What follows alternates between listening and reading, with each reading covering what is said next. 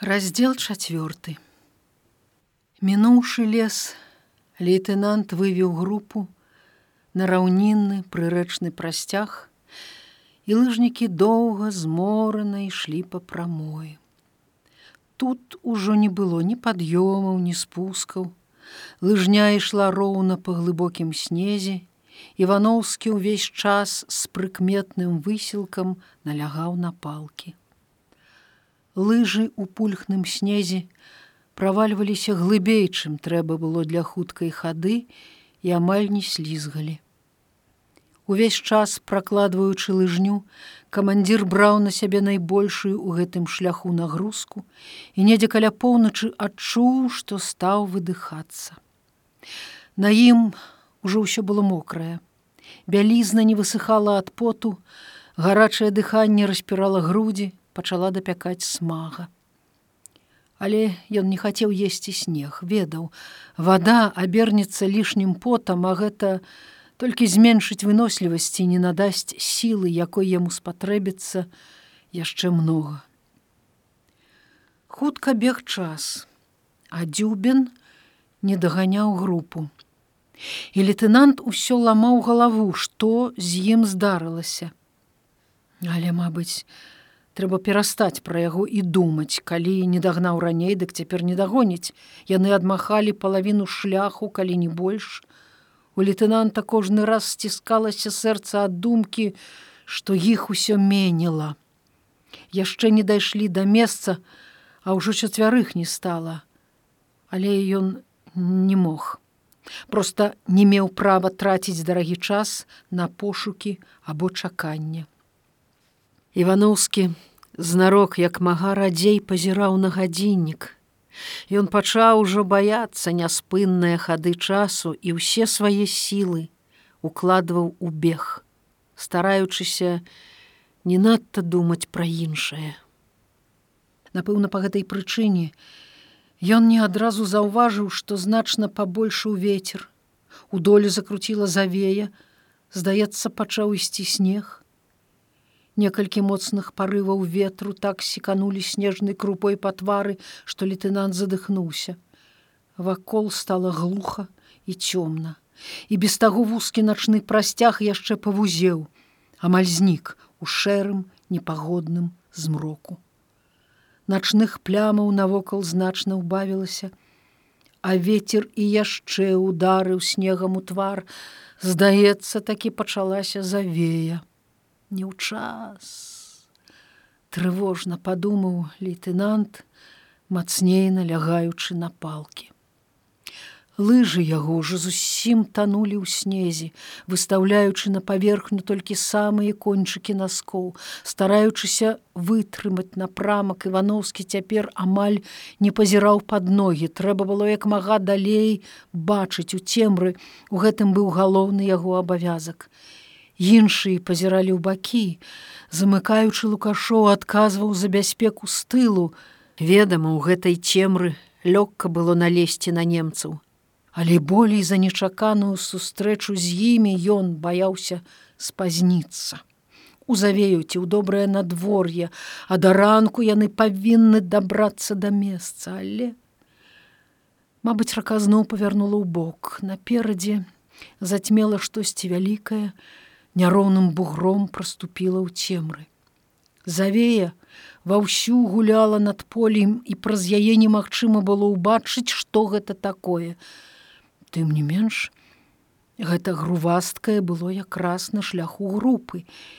Івановскі зразумеў гэта адразу і прыпыніў крок. Ён цяпер часцей, чым дагэтуль прыкладваўся да компаса, вывяраючы маршрут. Ззаду не адставаў суднік, блізка трымаліся і астатнія. Тое, што яшчэ здаля звярнула на сябе іх увагу, зблізку аказалася нейкай будыненай. Ускраіннай сядзібай вёскі або якім хутарам, было б вельмі дарэчы завітаць туды хоць бы для таго, каб напіцца, але іваноўскі рашуча павярнуў у абход. Ён забабонна баяўся ўсяго, што магло пашкодзіць іх мэці і адабраць час. Праз завеяную непагаць цяжка было ўгадаць, на якой адлегласці ад іх быў гэты хутар. Усяго нейкую хвіліну ён чарнеў збоку і ўжо гатовы быў знікнуць, як праз вецер, аднекуль даляцеў крык. Лейтенант не ўцяміў яшчэ хто і нават на якой мове крычыць, як ад будыніны пачуўся выразны сабачы брэх. Івановскі моцна адпіхнуўся палкамі, робячы рашучы рывок у цемру і ў той час ветраную цішыню ночы разарвала прыглушаная завеяй чарга. Трасіруючыя светлякі куль у некалькіх месцах прашылі над галавой цемру, чыркнулі па снезе і панясліся прэч. Здрыгануўшыся ад нечаканасці, лейтенант прыгнуўся і з усяе сілы рвануўся далей наперад у цемру. Аднекуль ззаду скрозь палосы завея успыхнула святло, сняжынкі густа забялелі ў яго круглай плямі, але гэта была не ракета. Мабыць, недзе ўключылі фары і зноў у паветры пранесліся агнявыя пасмы куль, густая доўгая чарга з шырокім рассейваннем прайшлася па полі. Лейтенант азірнуўся на лыжнікаў. Суднік, як і заўсёды, трымаўся за ім у шчыльную, далей нагнуўшыся разгоніста ішлі астатнія. Далекаватае святло з фар усё ж прыкметна падсвечвала поля, вырываючы з шэрыя цемры белыя сілуэты людзей. З хутара іх, мабыць, можна было заўважыць. Калі зусім блізка зноў заблізкалі трасы, ён нягучна крыкнуў: лажысь! чамусьці больш за ўсё спалохаўшыся за ношу судніка і сам мякка опусціўся на бок. Але ён спазніўся. Лежачы на снезе, ён ужо адчуў, што паранены. Нагу коротко пякло вышэй калена. Цёплая макрэць расплылася ў калышыне. Але моцнага болю ён не адчуваў, сцяўшы пашчэнкі, пакратаў ногой, быццам нічога можна было трываць. Побач цяжка дыхаючы уціснуўся ў снег суднік. Бутэлькі бутэлькі глядзі гучна шапнуў ён байцу з незвычайнай выразнасцю уяўляючы што калі трапяць у бутэлькі дык усе тут і загінуць суднік сцягнуў з плячэй рэч мяшок уціснуў снег прыкрыўшы сабой небяспечную для ўсіх ношу як толькі апошнія трасы адляцелі ўдалеч Лейтенант ускочыў на ногі і з радасцю адзначыў, што нага слухаецца. Прыгнуўшыся на лыжах, ён зноў і рвануў у ноч з усяе сілы далей ад гэтага хутара, чэргаў і здрадніцкага брэху сабак. Добра, што парывы ветру са снегам усё ж хавалі яго нават у падсветленай начной прасторы, і ён праскочыў яшчэ метраў сто хутара ўжо зусім не было відаць. Фары, памігаўшы здаля неяк прыцьмелі, але і па-ранейшаму свяцілі ў іх бок. Новая чарга прашыла змрок ззаду, але трасы яе паляцелі далёка ў поле. Здаецца, яны выбраліся з самай небяспечнай зоны. Лейтенант, спахапіўся, што адарваўся ад сваіх азірнуўся. Ззаду хтось нерашуча варушыўся ў змроку, але не даганяў, нагінаўся, мабыць, яны згубілі яго лыжню. Тады ён прытрымаў лыжы, прысеў, ціхенька гукнуў байца і павольней пайшоў у цемру прэч ад гэтага хутара. Хутка ён напаткаў нейкіх мызняк ці ўзлесак і стаў. Трэба было сабраць байцоў. Нага балела мацней, але боль пакуль быў цярпімы. Мабыць, куля толькі зачапіла мякаць, хутар маўчаў. Зусім побач цямнеў голы засыпаны снегам хмызняк, у якім там сям чарнелі маладыя елкі.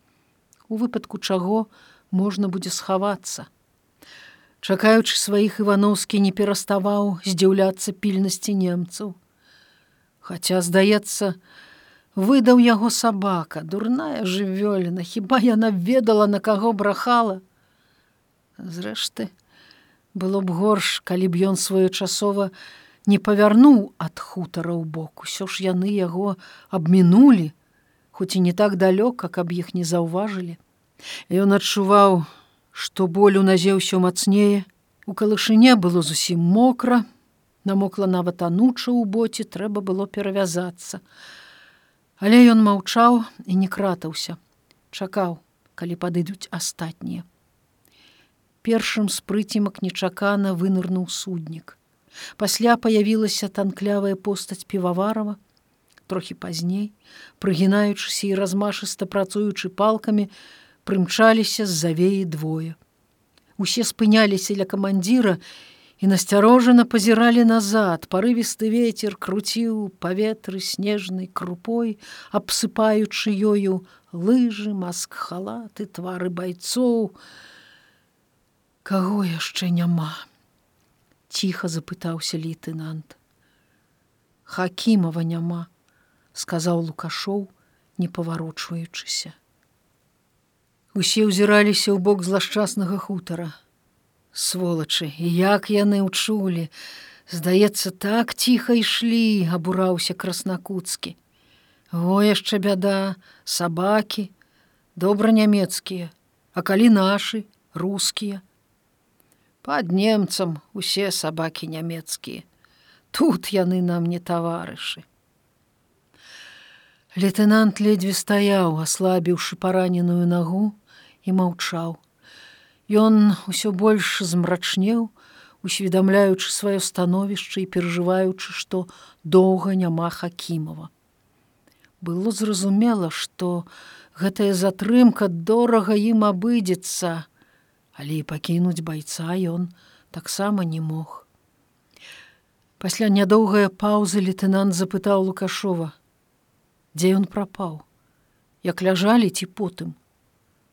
Як ляжалі быў, а пасля вот не угледзеў. Ідзі і шукай, мы пачакаем. Лукашоў пайшоў у завею, А лейтенант пастаяў трохі і павярнуў у хмызняк за маладыя, абсыпаныя снегам елкі. Тут круціла, нібы у аэрадынамічнай трубе. Хмары снегу віхурай несліся ў паветры, з усіх бакоў дзьму ветер.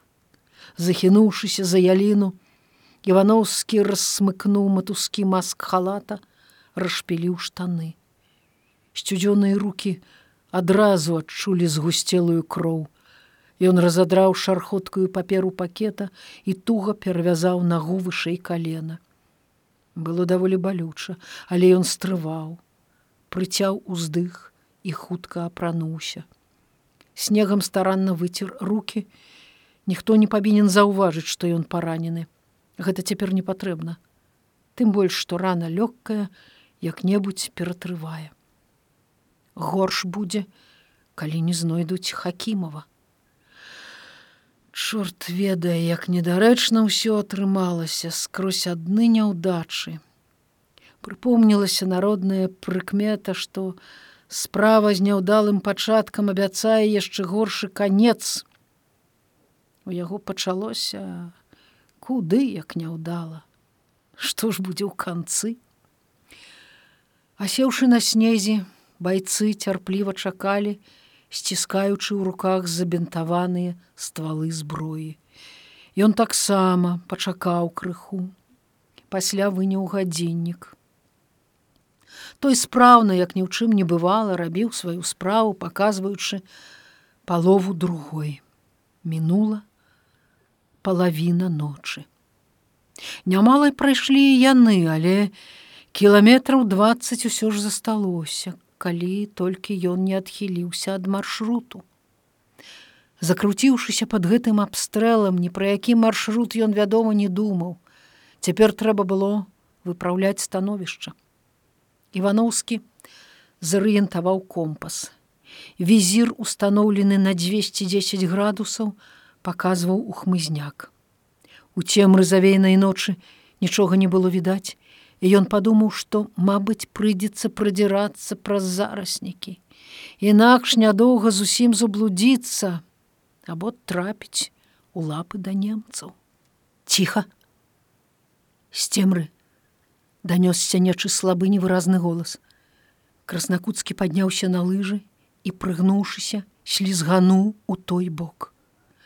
Хвіліну адтуль нічога не было чуваць, а пасля нешта мільганула ў цемры і заварушылася белая і няўклюдная. Праз хвіліну лукашоў з краснакуцкім сагнуўшыся, волакам прыцягнулі хакімава і тут жа упалі каленямі ў снег. Лукашоў дыхавічна сказаў: « Во, ледзьве знайшоў, палка адна ўваткнутая была. Яго палка гляджу тырчыць. А ён праз десять крокаў ужо снегам замятаць стала что жывы запытаўся лейтенант жывы але кепскі. У спіну яго ударыла. У жывот выйшла здаецца так хутка перавязаць ну во яшчэ адзін. Не барака хакімаў такі старанны рухавы уважлівы хлопец. Ён з першай сустрэчы спадабаўся камандзіру. Не гаваркі толковы і што цяпер з ім рабіць? О я тут трохі абматаў пакухвайцы без памяці ён. Пакуль двое поркаліся перавязваючы параненага ивановскі расслабіўшы прастрэленую нагу разгублена глядзеў у змрок.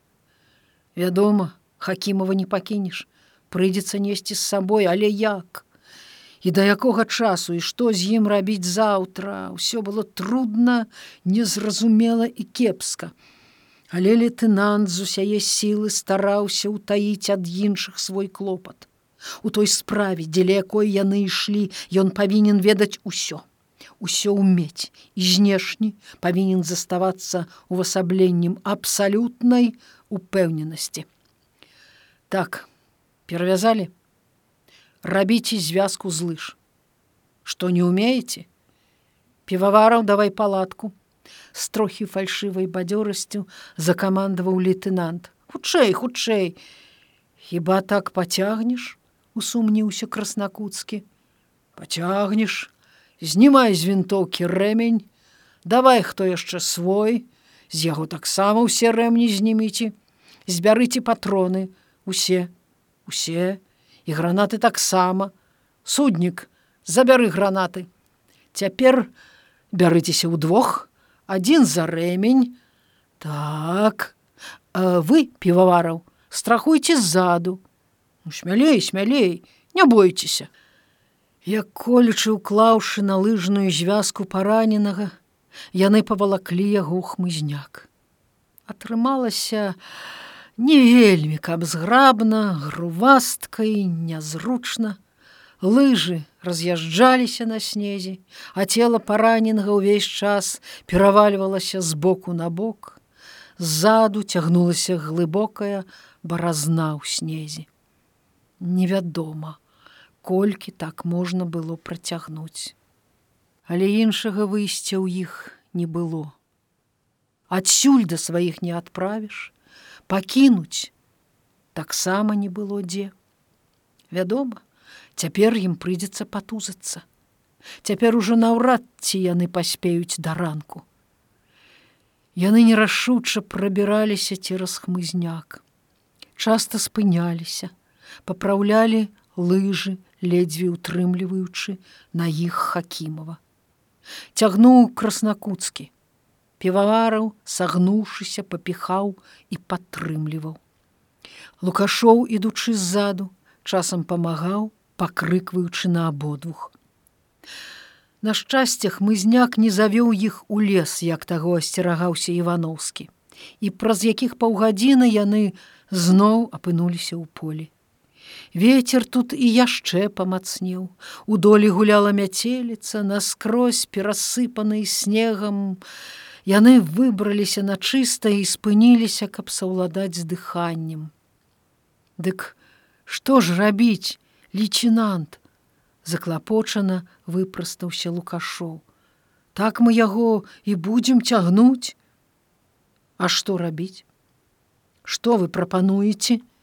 З відавочным незадаволеннем спытаўся лейтенант. Можа б пакінулі дзе ну, калі ў вёсцы якой ці хоць бы ў якой пуньцы. Не не пакінем цвёрда сказаў ивановскі і хопіць пра гэта. Ну што ж. Хопіць дык хопіць раптам згадзіўся лукашоў. Толькі ці далёка так пройдзем? Трэба хутчэй ухапіўся лейтенант з усяе сілы хутчэй понятно не азірнуўшыся і прыкметна асядаючы на правую нагу, ён пайшоў у цемру. За ім падаліся на лыжах астатнія. Усе зморана, паныла, маўчалі.